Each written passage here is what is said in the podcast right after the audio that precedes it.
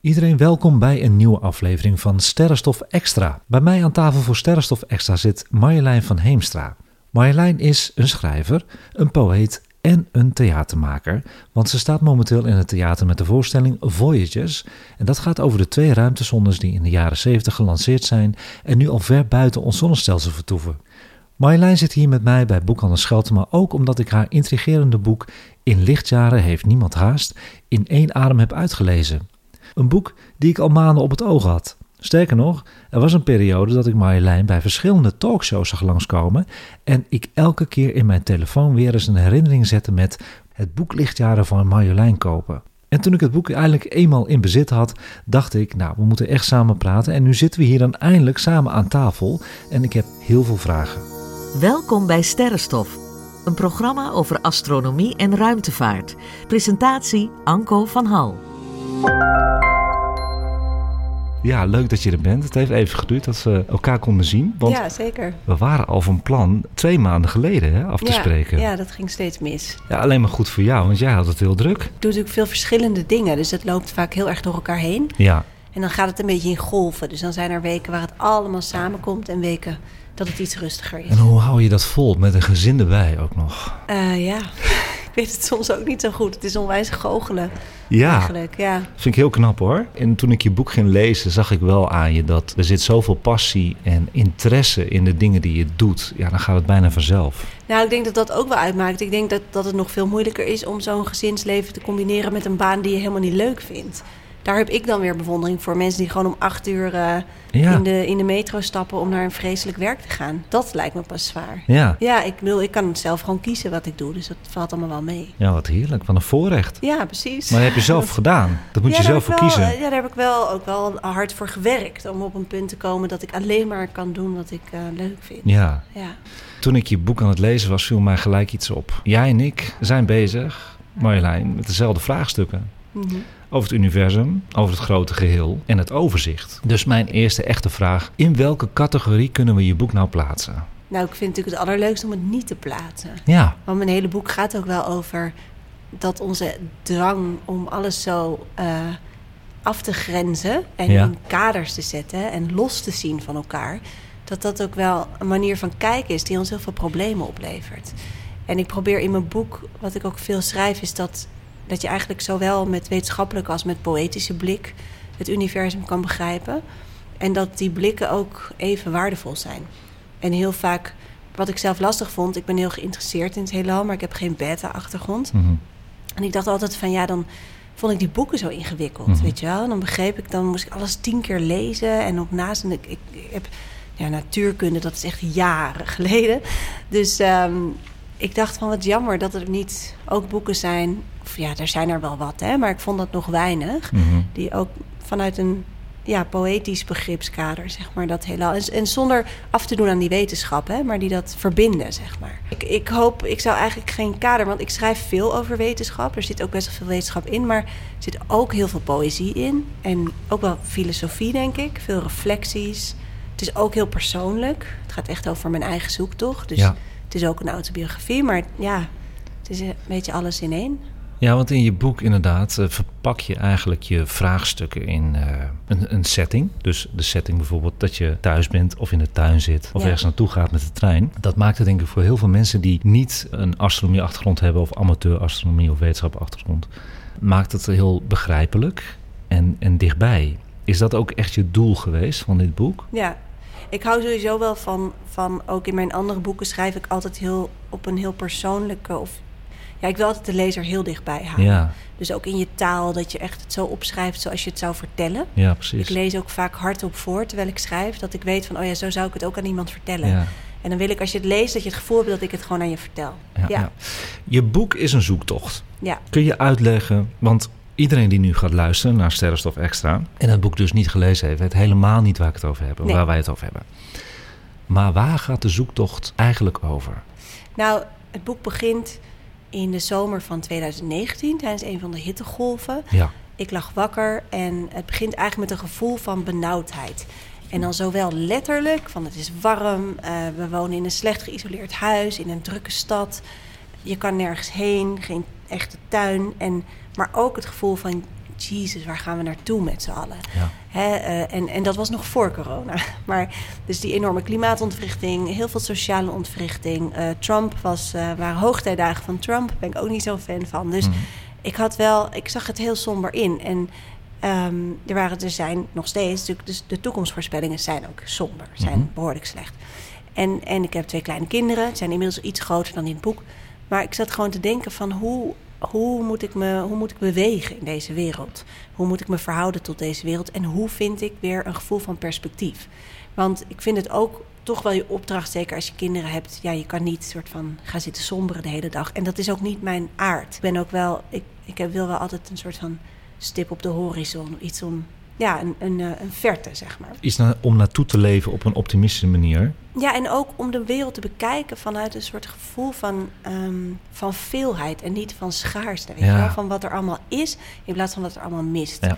En ik had het gevoel dat ik in, ook door de media die de hele tijd, en het was ook op sociale media, ik zit dan echt in van die activistische kringen, dus iedereen is de hele tijd boos en in gevecht met van alles. Ja. En ik dacht van, ah, ik wil, ik wil iets anders, ik wil hieruit, ik wil een ander verhaal. En toen, ehm, ja, dat, dat was iets rommeliger. In een boek schrijf je het dan altijd heel erg zo, hè, als een logisch verhaal. Maar wat ik in het boek beschrijf is dat er eigenlijk een foto van de Hubble Ultra Deep Field. En dat is een foto van een, de Hubble ruimtetelescoop.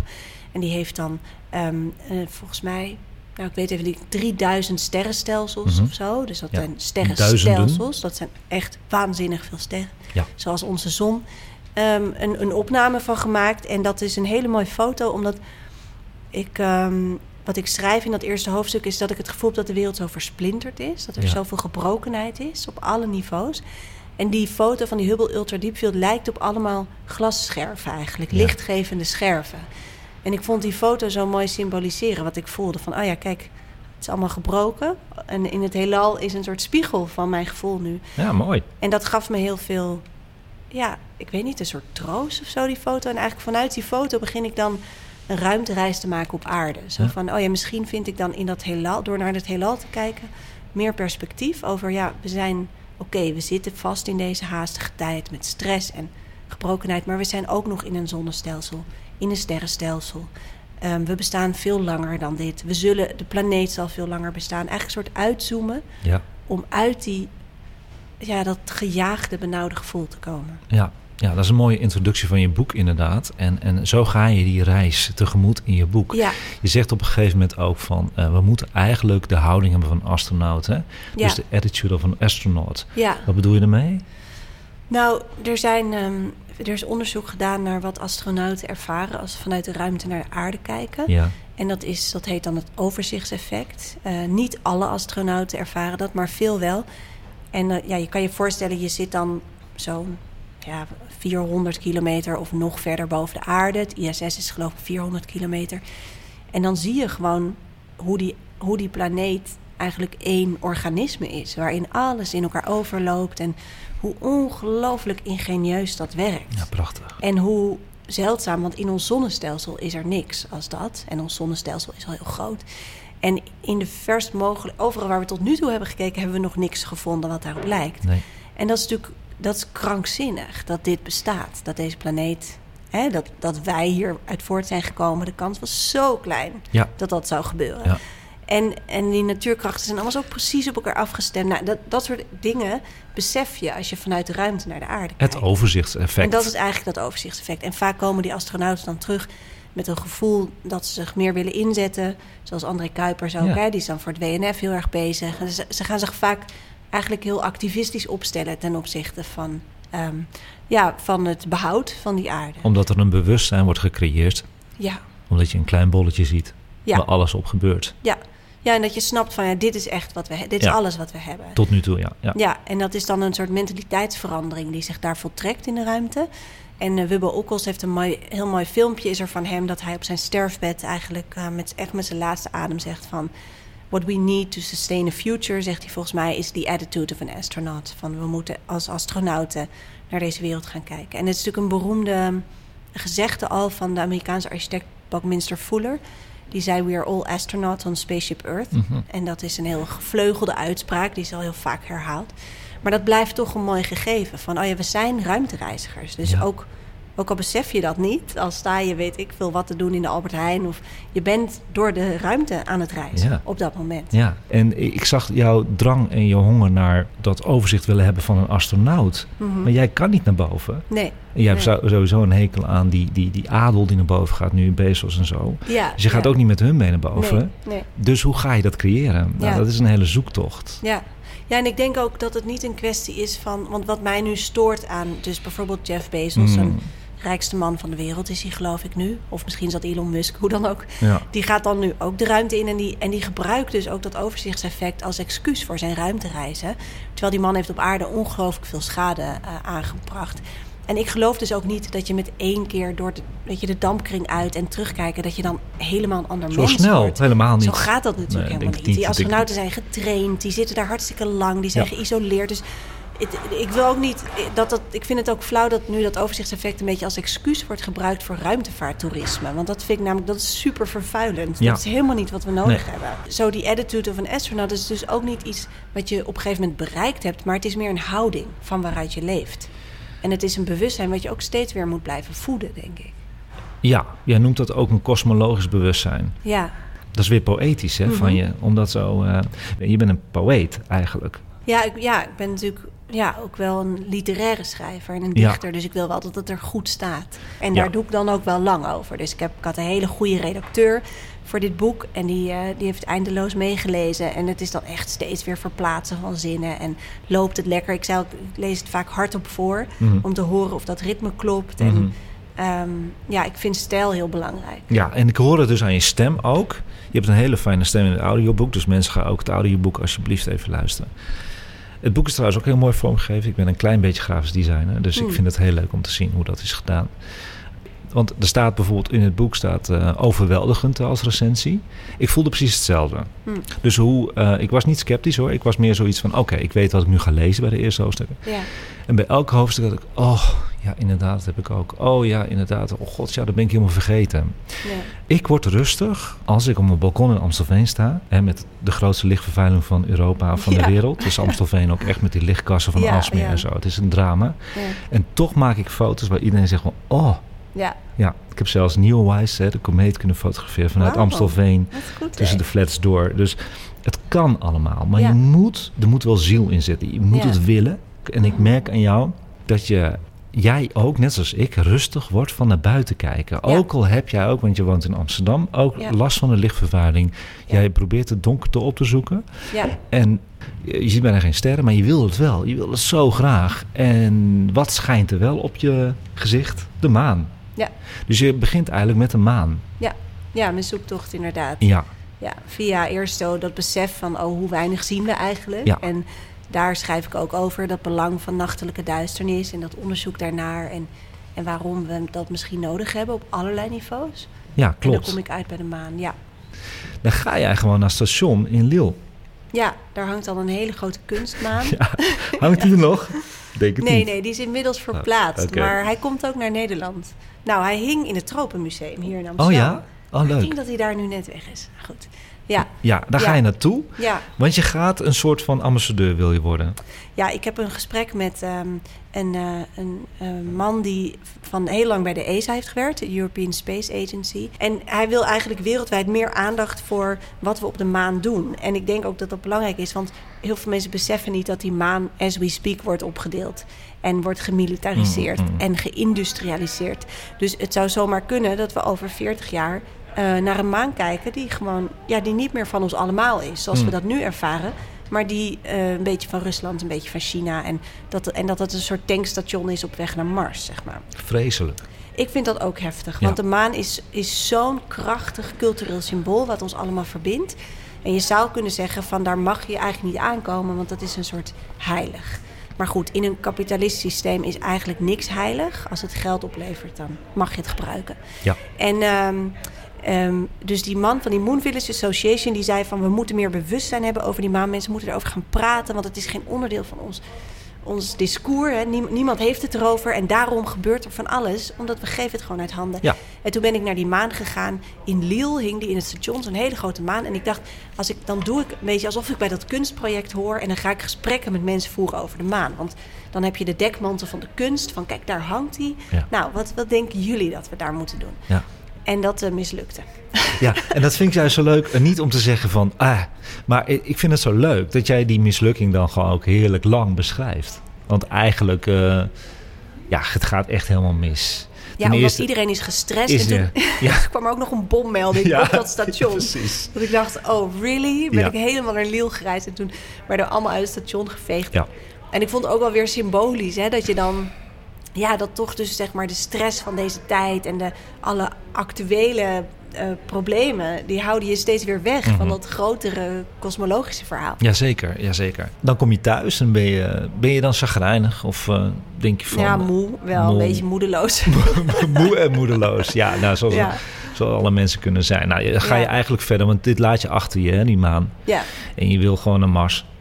Dan ga ik naar Mars. Ja, dan besluit ik van, nou, ik ga een stap verder. En eigenlijk verken ik zo het. Dus ik ga op een gegeven moment van Mars naar de exoplaneten. En eh, Klopt. Je beschrijft in je boek wat ze kunnen al. Hè? Dus er zijn eh, drie mogelijkheden om een exoplaneet bijvoorbeeld eh, te detecteren. ja, Dat is het Wiebel-effect, Ja. het transit ja, de Effect. transitmethode. Ja. en natuurlijk het luisteren hè? Ja, Naar, ja. naar de.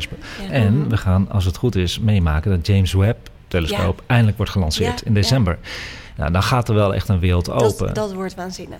Dat Ja. wordt wel. Ga jij ook? Ja, Ja, natuurlijk. Nou, dat is zo Ik word daar zo enthousiast van. Maar dat wij leven in een tijd waarin die exoplaneten ontdekt worden, is toch echt een groot Nou, cadeau. Die exoplaneten, was dat voor jou een, een rustpunt? Want ik voelde eigenlijk meer dat, dat je nog onrustiger werd. Ja en nee, het is een beetje allebei. Dus dat je, ik kwam helemaal natuurlijk in die verwondering Ja. terecht. En die enorme. Er is een punt waarop het weer zo groot wordt dat het helemaal. Dat het totaal onbevattelijk Nou, en daar Ja. word ik onrustig van. Ja, ja. En ik wil meer. Hè? Die honger wordt eigenlijk nooit gestild. Nee, nee. Maar het gaf mij wel een heel groot gevoel van. ja, toch ruimte. Ook in mijn denken en in mijn. eh, ik vind hier lopend zo. Kijk, wij kijken nu uit op de, op de Rokin. Mooi hè? Die winkels. En, ja, ja, en dan kan je dus hier rondlopen en denken van... het zou zomaar kunnen dat op pak een beet TOI 700D... Ja. iemand nu een spiegeltelescoop omhoog richt Ja. en ons ziet. Ja. Het zou zomaar kunnen. ja. En dat vind ik zo magisch. Het valt stil bij mij aan tafel als ik zoiets zeg. ja, Ten eerste is, het valt het stil omdat ze denken... nou, die Anko, die is wappie. Die is gek. Eh, Die is wappie. maar dat, ja, maar dat is toch ook gek dat heel veel mensen dit nog helemaal niet weten. Nee. Dat denkt de hele tijd van, hè, maar Ja. is, al die kennis is er al, hè? Maar dat is mijn doel, hè? Daarom Ja, ben ik zo ja. gedreven om, om dat kleine Ja, dat podcastje te maken. Hè? En jij om het boek te schrijven, denk ik. Ja. Dus je grootste doel is gewoon mensen bewust maken, toch ook? Nou, vooral die verwondering. De verwondering, ja. Van, kijk nou, kijk nou waar we zijn. Ja, kijk waar we zijn inderdaad. zo, zo absurd. Maar ik heb ook mensen aan tafel die eh, bang zijn voor, en dat heet astrofobie. Ja, Dat heb jij- ook iets over. Heb, ja, en dat vond ik heel mooi. Dus Ja. ik skip heel veel hoofdstukken expres, luisteraars. Want jullie moeten zelf gaan lezen. Hè? Want dat is natuurlijk voor mij een hele grote aanrader, dit boek. Astrofobie vond ik wel heel leuk. Want eh, dat zijn weer van die dingen waarvan ik denk van... Nou ja, inderdaad zeg. hè, Ik heb ze aan tafel gehad. Mensen Ja. die bang zijn voor zwarte gaten. Voor het oneindige. Dat zijn wij niet. nee, En waarom zijn wij dat niet? Waarom Ja, ben dat- jij niet bang? dat weet ik niet. Ik ook dat niet. weet ik niet. Ik dat is net als waarom hebben sommige mensen hoogtevrees. Het zal een soort... Dat zal vast... Ja, ik weet het niet. Nee. Dus er wordt ergens iets doorgegeven in de mensheid. Ja, ik hoop dat jij een antwoord voor- had. Maar nee, ik heb hetzelfde nee, als jij. ik niet. Ja. Het is heel interessant gegeven. Maar het is Ja. denk ik, het, het komt overeen met andere fobieën die Mm. mensen kunnen hebben. Die angst voor de leegte. Voor, Leegte, ja. voor de leegte daarvan. En het, het verpletterende daarvan. Ja, En de, de, de nietigheid van jezelf. ja.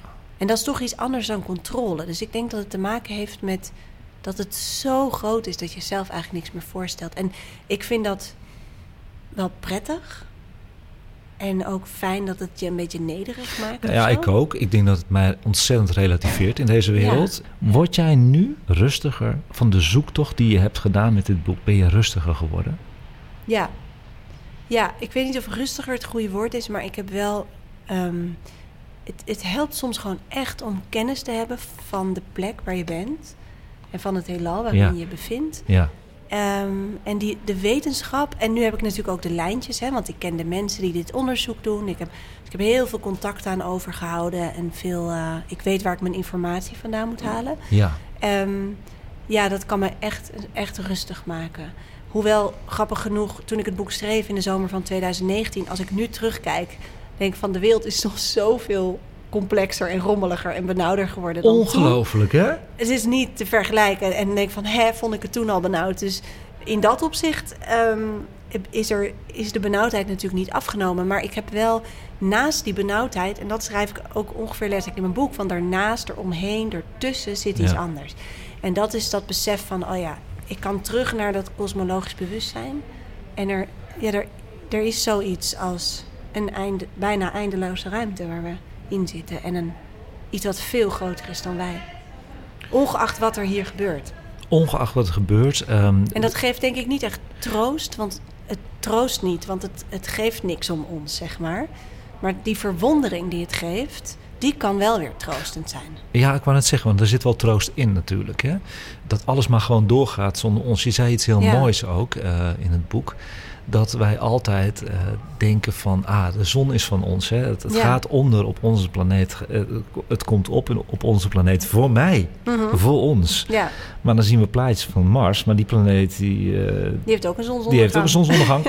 het is niet van ons. Nee, het is, het is ja. van het hele universum. Ja. Maar op het einde van het boek werd je onrustig. Net zo onrustig als ik. Over ufo's. ja, En ik heb ook een uitzending gedaan. En dat was mijn derde uitzending. Ehm, dan bevind ik me op glad ijs. En dat beschrijf je ook gewoon in het boek. Maar dan kom ik zo op. Ik ga het over ufo's hebben. En wat gebeurt er? Alsof ik het voelde. Het Pentagon liet dus de beelden vrij ja, eh, van de UFO's die eh, straaljagerpiloten hadden gezien in de afgelopen jaren. En hadden voor het eerst in ons leven het erkend dat het echt UFO's waren. ja, Ik ging die uitzending maken. Ik probeerde het allemaal uit te leggen. Ik begon met, met het zonnestelsel. En ik begon met onze melkweg en hoeveel melkwegstelsels er zijn. En dat elke ster een planetenstelsel heeft. En Ja. dat er veel exoplaneten zijn. En ik kon iedereen aan tafel overtuigen dat we niet de enige waren. Ja. Ja, daar, nee, daar zijn we echt niet de enige. Nee, dat Ja. klopt. Nee, Ja. nee, nee, nee. Dat is belachelijk om te denken dat wij de enige levende wezens zijn. Die had ik. ja, Maar dan gaan we een stap verder. Wat jij ook beschrijft in je boek. En nu had ik echt het boek moest ik echt wegleggen. van, Fuck, ja, ik heb het ook. Sommige planeten zijn ouder dan wij. Sommige Ja. sterren zijn ouder dan wij. Dus die planeten ook. Als er beschavingen zijn, zijn ze waarschijnlijk ook misschien verder. Welke beschaving dan ook. ja, Toen ging ik een stap verder. En toen zei ik van, nou ja, oké, de UFO's zijn er. Eh, het is niet China, het is niet Rusland. mhm. Amerika is bang geworden. Dat Ja, is het gewoon. Want ze weten gewoon niet wat het is. Ja. De beelden zijn echt. Mhm. Nou ja, het is natuurlijk ook zo dat we het gewoon niet, dat het is nog niet, ze hebben het niet kunnen bewijzen. Dat, het enige wat ze weten is dat ze het niet weten wat het is. En dat vind ik zelf heel mooi aan die, ja, ze noemen het dan nu unidentified aerial phenomena, Mhm, om een mhm. beetje van dat UFO-ding af te komen. Mhm. Maar dat die UAP's, dat, het, dat wijst ons eigenlijk vooral op. Er zijn gewoon dingen die we niet weten. En misschien mag het daarbij stoppen, weet je wel. Misschien mogen we dat gewoon omarmen. Van er zijn dingen die we niet kunnen verklaren. En die we, misschien gaan we die in de toekomst eh, kunnen verklaren. Dus het zou kunnen. Er zijn zelfs theorieën dat het misschien wel van ons toekomstige zelf is. Mhm. Die UAP's. Mhm. Dat we op een gegeven moment ergens in onze ontwikkeling gaan leren tijdreizen. Wat ook niet is, eh, ja, het is voor te stellen. Ja, theoretisch, bestaat Theoretisch het is het voor te stellen. En, eh, en ik bedoel, er zijn. En wat ik ook wel een mooie verklaring vind van misschien is het een fenomeen in een veld wat wij nog niet kennen. Mhm. Hè? Je, er zijn natuurlijk allerlei velden die we vroeger ook niet. Een magnetisch veld, dat- we hadden vroeger geen idee. Ja. Dus ehm, er, het kan zijn dat er nog eens zo'n soort veld is, wat we nu niet kennen. Ja. Je hebt eh, die zoektocht, maar als ze eenmaal eh, bijvoorbeeld eh, zich kenbaar zouden maken... via Mhm. de regering van Amerika, want dat is Ja. dan even de grootste of zo... Ja. geeft jou dat niet dat je achteruit gaat zitten voor de tv? Oké, ik ben klaar. Het Nou is ja, er. kijk, dat hangt er natuurlijk helemaal vanaf. Stel je voor dat het inderdaad buitenaardse aanwezigheid is van een Mhm. intelligente. Dus dan moet het een beschaving zijn die veel intelligenter is dan wij. Zeker, ja. Nou ja, dat is ook tricky. Want dat betekent ook dat ze superieur zijn aan ons. Mhm. Ehm, ik zou dat ook wel spannend vinden. Ja, Want wa- dan zijn we overgeleverd. Ja. zijn we dan. Ja. Dat, dus dat, ja, dan valt er voor ons niet zoveel meer te doen dan afwachten wat, wat ze met ons van plan zijn. Als het zo zou zijn. Maar dan stort alles gelijk in, zoals bij de COVID ook was. Eh, alles heeft met elkaar te maken. Dus Ja. het kan best zo zijn, dan gaan we naar de conspiracy hoor, maar dat maakt dan even niet uit. Het kan zijn dat de, de regering het al lang weet en daardoor niet kenbaar maken, omdat het natuurlijk heel precair is hè, om dat naar buiten te brengen. Ja, maar dat zou ik eigenlijk, dat vind ik moeilijk om te geloven. Want ik denk dan, stel je voor dat het, waar- wat we net zeiden, dat het buitenaardse beschaving is, die is dan veel slimmer dan wij. Ja. Die gaan zich echt niet laten vertellen door een Amerikaanse regering. Snap je? Die gaan zich niet laten tegenhouden door een soort, namelijk de mensheid, die veel minder intelligent is. Ja, er zit wat in. Dat, dat, dat vind ik. Dat zou ik onvoorstelbaar vinden. Tenzij ze dan een dealtje hebben gesloten. Maar dat, dat nee. Dat, dat kan ik me echt niet voorstellen. Want ze zouden zoveel slimmer zijn dan wij. Ja. Dat, nee. Maar het is natuurlijk. Het kan echt van alles zijn. Ja. En dat vind ik het leuke. Dat je dus denkt van. Ik heb eigenlijk liever dat we niet weten wat het is dan dat we het wel weten. Ik denk dat ik informatie zoek, dat ik kennis zoek, die, Ah, ja. nog, die verwondering nog meer prikkelt. Maar ik vind zelf, ben ik heel erg geïnteresseerd in mysterieën. Dus dingen die we net niet kunnen begrijpen of verklaren. Ik heb ook godsdienstwetenschap gestudeerd. Dus ik ben altijd wel op zoek naar de rand van dingen. Ik vond ook altijd de diepzee heel interessant. Ik heb een voorstelling over onderzeeërs gemaakt. En steeds, ik ben eigenlijk steeds naar die grensgebieden Ja. op zoek. Ja. Dus ja, ik hoef zeg maar voor mij een sluitend antwoord wil ik nooit. Want dan Oh. stopt de zoektocht. Oké. Ja, dus ik wil wel dat. En volgens mij bestaat het ook niet. Ik denk dat je krijgt een antwoord en dat geeft weer nieuwe vragen. Ja, ja, ja, ja. Je kan natuurlijk nooit iets. Want het is ook zo. Hoe meer we weten over het heelal, hoe meer we begrijpen dat wat we niet weten, zeg maar. Ja, ja. Want de grens. Ja, je, als je weten, als de grens van je weten zich uitbreidt. Ja. Aan de andere kant van het weten is het niet weten. Dus die grens breidt zich ook uit. Ja. Dus hoe meer je Ah, weet, hoe meer je mooi. niet weet. En dat vind ik Ja. interessanter. Ja. Dus eigenlijk zou je kunnen zeggen, weet je, het voelt als een kronkel misschien, maar dat ik dingen wil weten, zodat ik ook dingen niet weet. Mhm. Ja, dat is mooi. Weer poëtisch. en het komt zo uit je hoofd zomaar in één keer. Eh, ja, Ja. ja. nou, nou ja, dat is een beetje de denkwijze die daarachter zit. Op het einde ga jij iets organiseren. En dan had je het eigenlijk in het begin van het boek al over. Het frustreert je enorm dat het niet donker wordt. Ja. Mij ook. Zelfs op een donkere plek op Texel zie je veel te veel satellietvervuiling al. Hè? Ja, ja, ja, dat ook. Ja. Dat is al heel vervelend voor Ja. astrofotografie. Ja, Maar we zitten midden in de stad, jij en ik. ja, En jij wil per se donkerte. ja. Waar komt dat vandaan? Nou, ik kom er eigenlijk achter gedurende het boek. Ik begon me natuurlijk verdiepen in die licht, te verdiepen in lichtvervuiling. Omdat ik merkte van, hé, hey, als ik omhoog kijk zie ik niks. Nee. Dat wist ik altijd wel. Maar tijdens deze zoektocht kwam ik er pas achter hoe heftig die lichtvervuiling is in Nederland. Ja. Een van de lichtst vervuilde landen ter wereld. En ehm, ja, dat interesseerde me heel erg. Ik dacht van, wat betekent het eigenlijk als je als land je nacht verliest? Ja. Wat voor soort land ben je dan? Wat voor soort mentaliteit geeft dat je? Dus ten eerste heb je de hele praktische nadelen. Dus je, ons bioritme wordt verstoord. Dat geeft stress. Dat, dat eh, draagt bij aan ziektevorming. Dus we worden ongezonder van al dat elektrisch licht. Ik kwam erachter dat heel veel van dat licht niet nodig is. Dus ehm, ontzettend veel dingen staan aan s'nachts die helemaal niet aan hoeft zijn. Het is ook nog eens verspilling van energie, Ja. verspilling van geld. Ehm, en heel vaak maakt licht het niet veiliger, terwijl we dat wel denken. Maar Mhm. dat is dus emotioneel denken we dat het veilig is. Maar dat is een gevoel. Maar praktisch blijkt dat als je dingen verlicht waar niemand is, dat het onveiliger wordt. Oké. En heel veel licht is op plekken waar niemand komt. Ja. En, ehm, en dan zijn er de dieren die er ontzettend veel last van hebben. Ja. En dan is er ook nog dus dat culturele verlies van... Vroeger waren wij eigenlijk ja, deels eh, dag- en deels nachtdieren. Er is ook onderzoek gedaan naar hoe we sliepen. En dat we een deel, zeker hier in deze contraien... waar de nachten soms heel lang zijn... dat we een deel van de nacht gewoon wakker waren... om nachtactiviteiten te doen, zeg maar. ja. En dat hebben we allemaal verloren. Dus we hebben ook een heel, ja, gewoon een heel donker deel van ons leven is weg. En onze slaap is heel kort geworden. Ja.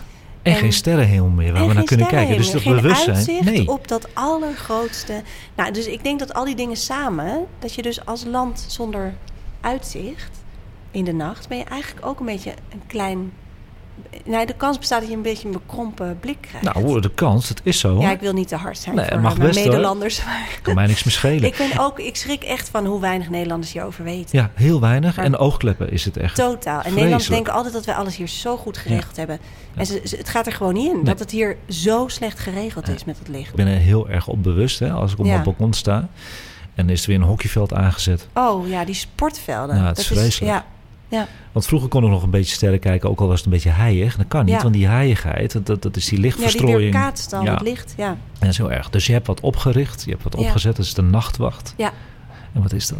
ja, het is een project met eh, eigenlijk allerlei vormen en één missie. Namelijk het vergroten van de liefde voor de nachtelijke duisternis. Ja, man, man. Dus ik geef heel veel lezingen. Ehm, we doen nachtwandelingen in het Vliegenbos in Noord, Amsterdam-Noord. Dat is best een donkere plek, omdat die begroeiing heel gelaagd is. Ja, dat viel Ehm, jij op, hè? Dat was een verrassing voor je. Ja, dat het best dat had ik is. niet gedacht. Nee. Ik, ik stapte daar van het verlichte fietspad af. Ja, En toen- het was zo donker. En ik neem dus wel eens mensen mee. En als je met nieuwe maan en een heldere hemel... zie je geen hand voor ogen. Echt geen hand voor ogen. En dat is heel bijzonder. Want mensen Ja. gaan ook... Het is echt een soort transformatieve wandeling dan.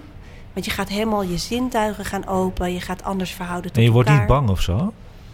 Nou, ik doe het in kleine groepjes. Mhm. Dus je bent met mensen. En ik denk dat dat mensen een veilig gevoel geeft. En, ehm, maar maar dat, dat doe ik dus nu. En ik ben veel in contact met... eh, ik ben nu aan het kijken hoe ik dat landelijk kan. eh, dus in Zeeland in gesprek en in Eindhoven. Zo wat plekken. Zijn die groepen nu niet heel vol nu? Eh, Ik bedoel, je hebt het op je website staan. ja, hè, we zijn dat je- steeds heel snel uitverkocht. Ja. Ook omdat we het met hele kleine groepjes doen. Ben je er steeds zelf bij? Ja, tot nu toe wel. Maar mijn verlangen is... Ik wil het komende jaar nachtwachters opleiden. Ja, Dus mensen die andere mensen meenemen. ja. En ik zou het ook leuk vinden als in andere stadsdelen dat gebeurt. Maar het is nu zoveel werk. En ik heb heel veel andere dingen nog daarnaast. Ja, dus- je bent een heel, heel, hele drukke dame. Maar als mocht iemand dit horen en zeggen van... oh, ik wil in mijn eigen stadsdeel dit oppakken. Ik heb echt alle informatie. En eh, dus eh, Ja, het zou fantastisch zijn. ja. Maar ik kwam ergens achter en dat is een mooie afsluiting, vind ik. En dat is dat je niet het licht zag van boven, maar eigenlijk eh, een beetje om je heen. Dus het was van de glimwormen. Ja, van- Die heb ik nog nooit gezien. Nee. Nou, ik vond het ook heel bijzonder. Want het zijn best zeldzame dieren. Zeker in de stad. Ja, Glimwormen zijn enorm, eh, staan onder druk. Vanwege ook lichtvervuiling onder andere en droogte.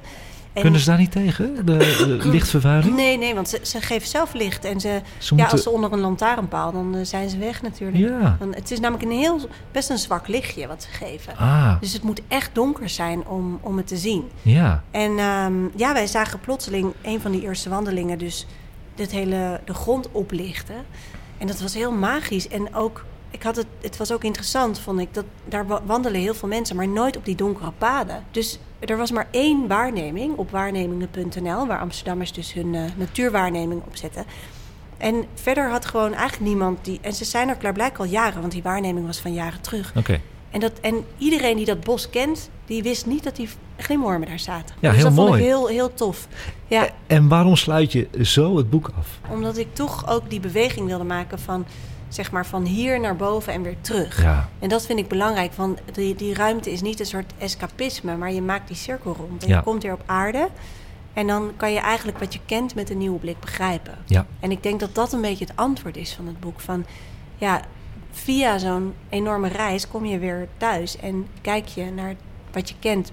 het is een focus eh, naar het kleine toe. Ja, ja. Nou, hartstikke mooi. Heb je nog een tip? Nou, ik, heb- wij spelen Voyagers, de voorstelling, Ja. komende weken. Ehm, ook nog eh, rond Amsterdam. En, eh, maar dat is dus een voorstelling over eh, de Voyagers. Dus de twee Ja. ruimtesondes met de Golden Record. En het gaat over, over exoplaneten, over hoe we herinnerd worden als mensheid in het zonnestelsel. Over tijd, uitzoomen. Ja. Hele mooie muziek van Pinarello. Dus mocht iemand dit luisteren en denken, oh, ik hou van dit thema, dan eh, kom echt kijken. Het is echt een super mooie voorstelling. Hey, alle luisteraars van Sterrenstof houden van dit denk ik thema. ook. Dus je zit hier echt wel heel dus goed. dit is de doelgroep volgens mij. Reclame. En Ja. dat mag allemaal. Ja, Dan doe ik één sterrenstofvraagje voor je. ja. Dat vind ik altijd heel leuk. Wat is je favoriete hemellichaam en wat is je favoriete astronomische onderwerp? Maar dat zijn de voidjes, denk ik. ja, de Voyagers vind ik heel interessant. Ja, Die Golden Record, zo, dat is dus een, een soort best-of van de aarde. Hebben ze dan op een gouden plaat gegraveerd. En Ja. die is buiten ons zonnestelsel en die wordt misschien ooit onderschept. ooit Ja. afgespeeld. Ja, dus ehm ja, vind je heel interessant. Ja. favoriete hemellichaam. Ja. Ja, een moeilijke vraag. Ik, weet, ik heb toch wel heel veel met Mars, denk ja, ik. ik ook. Toch, het, het spreekt zo tot de verbeelding. Het Ja. is heel ver weg, maar het voelt ook nog wel dichtbij. Ja, En ehm, ik vind het landschap, dat hè, landschap. niet te geloven. Ja, die, die berg. Ik kan er uren Ja. naar kijken, terwijl het Ja. eigenlijk zo dood als een pier Ja. is. Hetzelfde Ja. steentje hier en daar weer. Ja. En, maar toch blijf ik kijken van ja, als ik erop zou staan, dan zou ik denken dat ik op aarde ben. Ja, en het is natuurlijk ook zo omdat we, omdat we er waarschijnlijk over niet al te lang naartoe gaan. Dat het, Ja. het is een soort Ja, die de- spanning is zo Het is interessant. de eerste plek, denk ik, waar wij gaan koloniseren hoor. Ja, ja. Misschien, misschien de maan eerst en dan, dan ja Mars. via de maan naar Mars. Ja, dat denk ik wel, ja. Goed, Marjolein, dit was hem. Ik had nog zoveel willen vragen, maar ik ga het niet doen. Eh, iedereen moet het boek maar even lezen. Ja, dat is eh. Marjolein van Heemstra, mensen. In lichtjaren heeft niemand haast. Een zoektocht naar meer ruimte in ons leven. En eh, de zoektocht gaat door bij Marjolein. Ja, Mag je hartelijk bedanken om te komen bij Scheltema Ja, ook en bedankt. voor Sterrenstof. Graag gedaan. Dankjewel.